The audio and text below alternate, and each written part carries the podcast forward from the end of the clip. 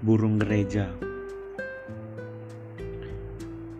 Burung gereja terbang menebas cakrawalanya sendiri Mengepakkan sayap sekuat tenaga Bermain di antara ilalang siang Berjumpa burung lain yang berkicau. Burung gereja ingin sekali ke sawah Memungut segar padi-padi tumbuh.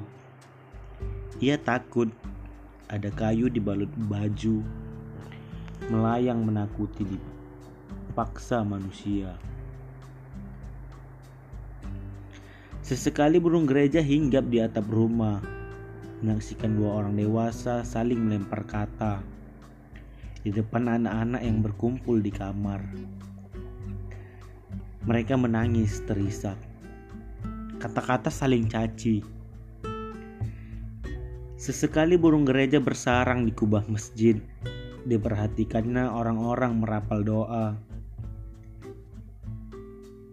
Harapan pada sang pencipta alam semesta. Dimudahkan jalan hidup dan diindahkan kematian. Burung gereja kembali ke atap gereja. Dinikmatinya nyanyian hari Minggu.